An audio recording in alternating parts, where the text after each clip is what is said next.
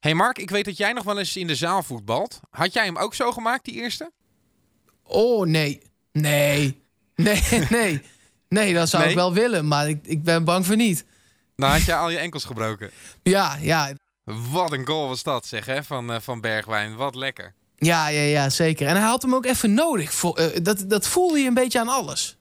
Zeker, zeker. Dus ik was blij dat hij hem maakte. En sowieso was ik heel blij met hoe makkelijk het ging. Want ik, ik eh, kneep hem wel een beetje, die uitwedstrijd.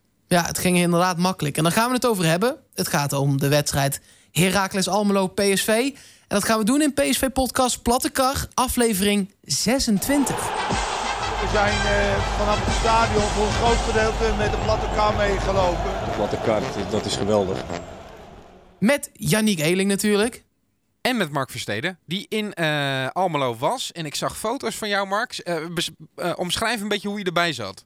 Ja, kijk, het was koud. Laten we daarmee beginnen. Understatement Eh, wel, hè? Ja, het was, eh, en het was niet eens koud. Het was heel koud. Het, eh, de teller tikte daar op het thermometertje onder.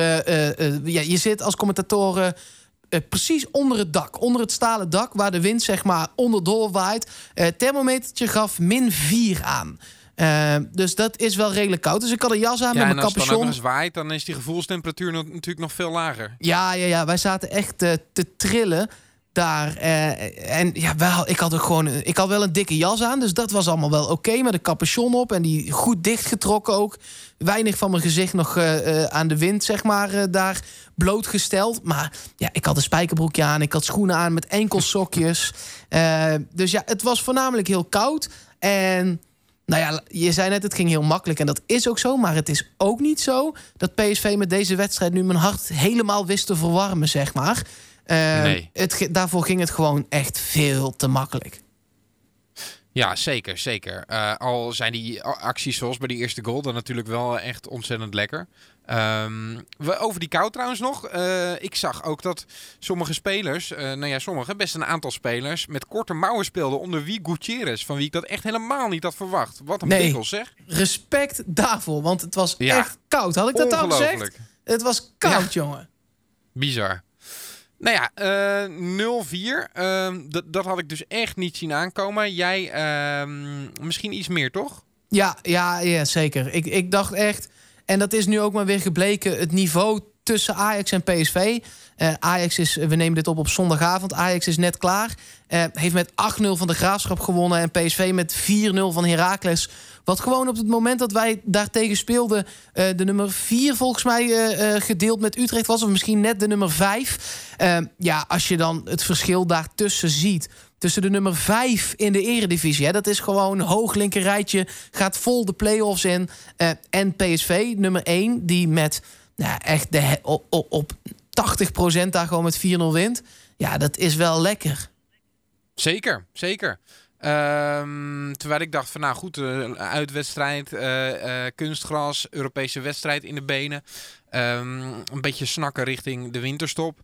Ehm, en en Heracles kreeg natuurlijk ook wel echt de kansen om iets te doen. Eh, dus ik denk dat we ook nog wel een bedankje mogen sturen naar Koewas. Dat hij die kansen niet afmaakt. Want het had na een paar minuten al 1-0 voor Heracles kunnen staan. Nee, zeker. PSV had in de eerste 20 minuten best wel wat slordigheidjes nog. Eh, voornamelijk bij eh, de centrale middenvelders. Hendricks, die overigens verder een prima wedstrijd speelde. Eh, en Rosario, die speelde dan wel wat minder. Maar die lieten zich een aantal keer de, of de kaas van het brood eten. Guti trouwens ook een keer. Of zulke slordige passes als je met 6, 7 man in de aanval bent. Dat ja, daar waar Heracles een beetje ook op gokte, op die snelheid van Koeras en Pedersen in de spits, dat ze dat ook daadwerkelijk konden gebruiken. Dat was eigenlijk meer ja, PSV's verdienste door die fouten te maken. En dat was in die eerste 20 minuten wel jammer, maar daarna was het ja, echt freewheelend naar het einde. Je noemt het middenveld al even, Mark. Ik vond eigenlijk Hendricks de allerbeste van, eh, van het middenveld. Ja, die maakte in de eerste vijf minuten een foutje. En daarna heeft hij zich helemaal goed herpakt. En echt, Echt goed hoor. Echt Knap. goed. Eh, Want wij hebben hem ook eh, regelmatig bekritiseerd. Zeker in die Europese wedstrijden viel hij af en toe door de mand. Was een beetje aan het opkrabbelen afgelopen wedstrijden. Tegen Inter speelde hij al nou, lekker mee met de rest van PSV.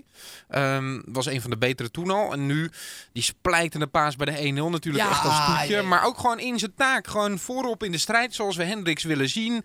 Ehm, aan de bal gewoon wel goed. Ehm, maar ook zijn verdedigende taken verder gewoon wel goed uitgevoerd. En dat, dat mag ik echt wel hoor. Ja, in het systeem dat Heracles hanteerde was hij of Rosario ook vaak uh, wel de vrije man, zeg maar, op het middenveld. Uh, ja, dan zijn er spelers die kunnen daar dan niet mee omgaan. Maar dat deed hij erg goed. Ja. Dat moet inderdaad Knap. gezegd.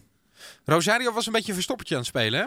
Ja, die stond heel vaak uh, achter zijn man, waardoor hij niet ingespeeld kon worden in aanvallend opzicht. Dat is zonde. Ja, was ook uh, een paar keer betrokken bij het inleiden van een tegenaanval. Een beetje dom balverlies, soms zelfs op de helft van Herakles. Maar ja, zij waren wel heel snel aan de overkant dan. Um, en daar vond ik Schwab ook niet altijd even sterk in. Hoewel hij dan een goal maakt, liet hij zich ook af en toe wel eens overlopen hoor. Ja, zeker. Die moest er echt nog heel even weer, uh, weer inkomen. Uh, ja, het feit dat dat allemaal kan en je nog steeds met 4-0 wint... dat is eigenlijk wat ik, wat ik uit deze wedstrijd het, het meeste haal. Dat, dat uh, bij lange na niet alles optimaal was. Want PSV heeft, nou, ik denk, vijf minuten in de hoogste versnelling gespeeld. En dat waren de laatste vijf minuten. en verder, ja, echt in z'n vier in een auto met zes versnellingen ja, het gaat, gewoon zo, het gaat gewoon zo makkelijk. Dat is eigenlijk wat ik, wat ik uit dit weekend meeneem. Het gaat zo simpel allemaal. Want Lozano was ook helemaal niet zo best. Bergwijn wel fantastisch. Maar De Jong ook niet echt gezien. Viergever was wel oké. De backs waren wel oké. Okay. Maar nou, Viergever had nog echt een hele belangrijke tackle natuurlijk. Nee, zeker. Maar, maar die hoefde niet, net zoals tegen Inter... de hele tijd zo'n centrumspits te dekken. het, was, het, ging, het ging allemaal wel, of zo. Ja. Zoet, goede redding. Ja, nou ja, allemaal prima. Tenminste, zijn hoek uh, klein gemaakt waardoor Koewas hem uiteindelijk uh, naschoot. Ja, het, ja, precies. Ja, het was echt, het was allemaal gewoon wel oké. En dan win je blijkbaar met 4-0 van nummer 5 van de Eredivisie. Hey, uh, nog even wat dingen eruit lichten. Um, Rosario, voor hem is het winterstop, want die pakt dan een uh, kaart. Was overigens het terechte. Um, Ik dacht nog heel die... even dat hij bewust was ook. Ja, Ehm, nou ja, goed. Uh, die, die kan in ieder geval zich gaan richten op, uh, op de tweede seizoen zelfs. En ik heb ook wel een beetje het idee dat dat fijn is voor hem. Want het is natuurlijk stormachtig begonnen aan het uh, seizoen. Maar zoals zo vaak bij jonge spelers krijgen ze dan een beetje een dipje. En dat was bij Rosario wel een beetje aan de hand de afgelopen weken. Um, dus ik denk dat het fijn is dat hij zich gewoon kan gaan richten op, op de volgende seizoen zelf. Nou, ik zat ook wel te bedenken dat het voor hem misschien wel fijn is maar dit zou ook wel eens kunnen betekenen dat hij dadelijk niet meer terugkomt. Uh, ik, ik, ik zal even uitleggen wat ik bedoel. Uh, eh, PSV gaat nu natuurlijk ongetwijfeld spelen met Hendricks, Guti, Pereiro. De, tenminste, die kans ja, denk je dat? Ja, denk je niet? Nee, ik heb een andere variant in mijn hoofd. Maar ga verder met je verhaal. Ja, en uh, dat dan die nieuwe variant straks ook zo goed blijkt te werken dat hij misschien zijn plekje wel verliest. Ik hoop het niet, want ik vind dat zo'n jonge speler... die het tot nu toe gewoon uh, voornamelijk op de laatste paar weken na... dan heel goed heeft gedaan, ook weer zou moeten terugkeren. Want dit is voor de toekomst echt een pareltje. Dat moeten we koesteren. Uh, maar het zou zomaar eens kunnen zijn dat het nieuwe trio... Nou, in mijn hoofd dan Guti, Hendricks, Pereiro... zo goed werkt ja. dat hij dan niet meer terug kan keren. Nou ja, ik denk ook dat Gutierrez en Hendricks het blok uh, uh, voor de verdediging gaan, uh, gaan vormen nu. Um, maar die invalbeurt van Pereiro. en ja, was matig. Penalty, ja. Ja, ja, Dat, dat, dat vond ik wel echt een. Uh, ja, er zat wel een soort litteken. Ja, het was niet een, een, een speler die op de bank heeft gezeten een aantal wedstrijden, nu weer in mag vallen en tegen zichzelf heeft gezegd en dan ga ik het nu potverdorie ook laten zien ook. Er zat heel weinig in. Nee, ik um, um, ken Pereiro als iemand die dan stoïcijns is... en die hem dan in ieder geval inschiet. Hoewel die hem niet heel slecht inschoot. Maar ja, ja half hoog. natuurlijk. Half hoog, nooit doen. Um, waarbij je als invaller, terwijl je uit het basiselftal bent gehaald, ook nog wel zoiets kan hebben van nou, dan wil ik hem heel mooi inschieten. Of ik probeer een Panenka als het al 3-0 staat. Dat soort dingen. Om even vertrouwen te tanken. Die bal moet gewoon op een goede manier hangen voor Pereiro. Nou ja, uiteindelijk maakte hij die kopbal. En dat was een geluk bij een ongeluk. Maar ik denk niet dat hij heel happy zal zijn uh, uh, geweest. En ik denk ook de staf niet met hem. Nee, Nee, dat denk ik ook. Maar wie zie jij daar dan staan? Wat zie jij dan als optie? Want jij zei net, oh, ik denk dat het een ander trio wordt. Wie, eh, wat, wat, wordt het dan in jouw hoge? Ik, ik denk uh, dat uh, Luc de Jong op 10 gaat. Uh, Oké. Vanwege zijn uh, strijdkracht en uh, dat hij dat tussen de linies toch wel heel goed heeft gedaan. Verdedigende taken uitvoeren. En dat daarvoor in met z'n drieën gaan spelen Lozano, Malen en Bergwijn tegen AZ. En dat die hele verdediging van AZ helemaal overhoop wordt gegoocheld in het Philipsstadion. Denk ja. ik echt. Oké, okay, en voor, voordat ik daar even op, op reageer. Denk je dat dat alleen tegen AZ is... En dat er na de winterstop weer wordt teruggekeerd naar een elftal met Rosario, ja of nee? Ja, ja. Rosario gaat gewoon terugkeren. Ook omdat ik denk dat Van Bommel ehm, het met hem aandurft. Heeft gezien wat hij kan. Zeker in, eh, in de Eredivisie gewoon heel goed meegespeeld. In, in, Europa ook nog wel een aantal wedstrijden. Dat hij de potentie van hem wel ziet. En dat het ook een positie is die Mark van Bommel natuurlijk heel goed begrijpt. Omdat hij daar zelf heeft gespeeld. Dus ik verwacht wel dat, eh, ehm, dat Rosario daar gaat terugkeren. En dat Guti dan op 10 zal blijven staan. Ook omdat Pereiro dus geen zekerheidje meer is in de basis. Nee, dan denk ik eigenlijk eerder dat ze Bergwijn op 10 gaan zetten. Misschien, eh, de, ik snap ook, de Jong heeft dat vaker gedaan.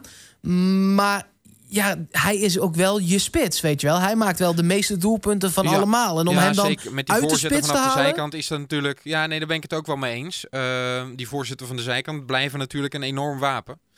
Ehm, dus dat kan ook hoor. Maar ik denk in ieder geval dat die vier het gaan doen. Dat Malen erbij komt. En dat het een aanvallendere opstelling tegen AZ gaat worden. Ah, oké. Nou ja, daar, daar kan ik in principe ook eh, prima mee leven. eh.